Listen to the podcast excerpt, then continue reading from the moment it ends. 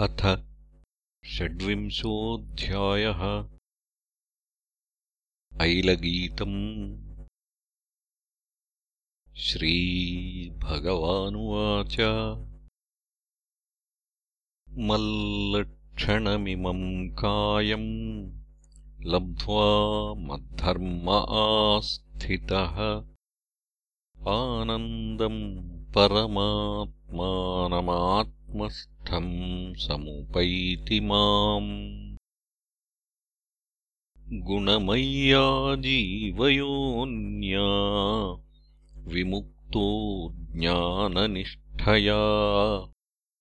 गुणेषु मायामात्रेषु दृश्यमानेष्वस्तुतः वर्तमानोऽपि न पुमान् युज्यते वस्तुभिर्गुणैः।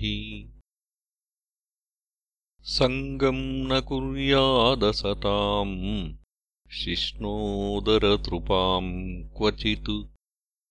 तस्यानुगस्तमस्यन्धे पतत्यन्धानुगान्धवत् ऐलः सम्राडिमाम् गाथामगायत बृहच्छ्रवाः। ऊर्वशी विरहान्मुह्यन् निर्विण्णः शोकसंयमे त्यक्त्वात्मानम् व्रजन्तीम् ताम् नग्न उन्मत्तवन्नृपः विलपन्नन्वगाज्जाये घोरे तिष्ठेति विक्लबः। कामानतृप्तोऽनुजुषन् क्षुल्लकान् वर्षयामिनीः न वेदयान्तीर्नायान्तीरूर्वश्याकृष्टचेतनः उवाच अहो मे मोहविस्तारः कामकश्मलचेतसः देव्यागृहीतकण्ठस्य नायुः खण्डा इमे स्मृताः। नाहम् वेदाभिनिर्मुक्तः सूर्यो वाभ्युदितो मुया। मुषितो वर्षपूगानाम् बताहानि गतान्युत। अहो मे आत्मसम्मोहो येनात्मा योषिताम् कृतः। क्रीडामृगश्चक्रवर्ती नरदेवशिखामणिः सपरिच्छदमात्मानम् हित्वा तृणमिवेश्वरम् यान्तीम् स्त्रियम् चान्वगमम् नग्न उन्मत्तवद्रुदन् कुतस्तस्यानुभावः स्यात्। तेज ईशत्वमेव वा। योऽन्वगच्छम् स्त्रियम् यान्तीम् खरवत्पादताडितः। किम् विद्यया किम् तपसा किम् त्यागेन श्रुतेन वा। किम् विविक्तेन मौनेन स्त्रिभिर्यस्य मनोहृतम्। स्वार्थस्याकोविदम् धिङ्माम् मूर्खम् पण्डितमानिनम्। योऽहमीश्वरताम् प्राप्य स्त्रीभिर्गोखरवज्जितः। सेवतो वर्षपूगान्मे ऊर्वश्याधरासवम्। न तृप्यत्यात्मभूः कामो वह्निराहुतिभिर्यथा पुंश्चल्यापहृतम् चित्तम् कोऽन्वन्यो मोचितुम् प्रभुः। आत्मारामेश्वरमृते भगवन्तमधोक्षजम्। बोधितस्यापि देव्या मे सूक्तवाक्येन दुर्मतेः। मनोगतो महामोहो। नापयात्यजितात्मनः। किमेतया नोपकृतम् रज्ज्वा वा सर्पचेतसः। रज्जुः स्वरूपाविदुषो योऽहम् यदजितेन्द्रियः क्वायम् मलीमसः कायो दौर्गन्ध्याद्यात्मको शुचिः क्व गुणाः सौमनस्याद्याह्यध्यासो विद्यया कृतः। पित्रोः किम् स्वम् नु भार्यायाः? स्वामिनोऽग्नेः श्वगृध्रयोः किमात्मनः किम् सुहृदाम्? इति यो नावसीयते।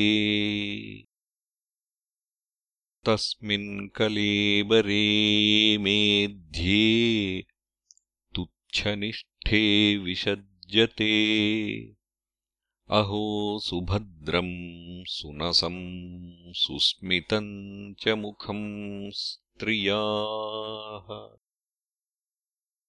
त्वम् मांसरुधिरस्नायुमेदो मज्जास्थिसंहतौ। विण्मूत्रपूयेरमताम् कृमीणाम् कियदन्तरम्?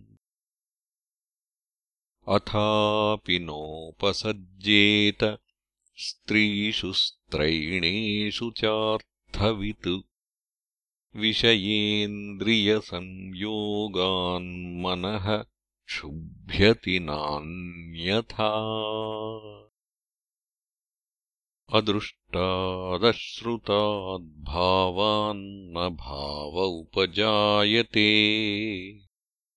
असम्प्रयुञ्जतः प्राणान् शाम्यति स्तिमितम् मनः। तस्मात् सङ्गो न कर्तव्यः स्त्रीषु स्त्रैणेषु चेन्द्रियैः विदुषाम् चाप्यविस्रब्धः षड्वर्गः किमुमादृशाम्। श्रीभगवानुवाच। एवम् प्रगायन् नृपदेवदेवः स ऊर्वशीलोकमथो विहाय। आत्मानमात्मन्यवगम्य माम् वै। उपारमत् ज्ञानविधूतमोहः। ततो दुःसङ्गमुत्सृज्य सत्सु सज्जेत बुद्धिमान् सन्त एतस्य छिन्दन्ति मनोव्यासङ्गमुक्तिभिः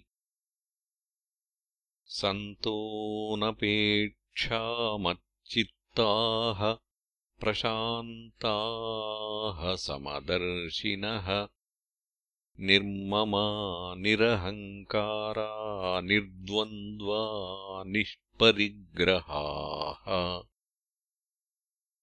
तेषु नित्यम् महाभागमहाभागेषु मत्कथाः सम्भवन्ति हिता नॄणाम् जुषताम् प्रपुनन्त्यघम्। ता ये शृण्वन्ति गायन्ति ह्यनुमोदन्ति चादृताः। मत्पराः श्रद्दधानाश्च भक्तिम् विन्दन्ति ते मयि भक्तिम् लब्धवतः साधोः किमन्यदवशिष्यते। मय्यनन्तगुणे ब्रह्मण्यानन्दानुभवात्मनि। यथोपश्रयमाणस्य भगवन्तम् विभावसु। शीतम् भयम् तमोऽप्येति साधून् संसेवतस्तथा निमज्योन्मज्जताम् घोरे भवाब्धौ परमायनम् सन्तो ब्रह्मविदः शान्ता नौर्दृढे वाप्सु मज्जताम् अन्नम् हि प्राणिनाम् प्राण आर्तानाम् शरणम् त्वहम्। धर्मो वित्तम् नृणाम् प्रेत्य सन्तोर्वाग्बिभ्यतोरणम्। सन्तो दिशन्ति चक्षूंषि बहिरर्कः समुत्थितः देवताबान्धवाः सन्तः सन्त आत्माहमेव च। वैतसेनस्ततोऽप्येवमुर्वश्यालोकनिःस्पृहः मुक्तसङ्गो महीमेतामात्मा रामश्चचारः इति श्रीमद्भागवते महापुराणे पारमहंस्याम् संहितायाम् एकादशस्कन्धे षड्विंशोऽध्यायः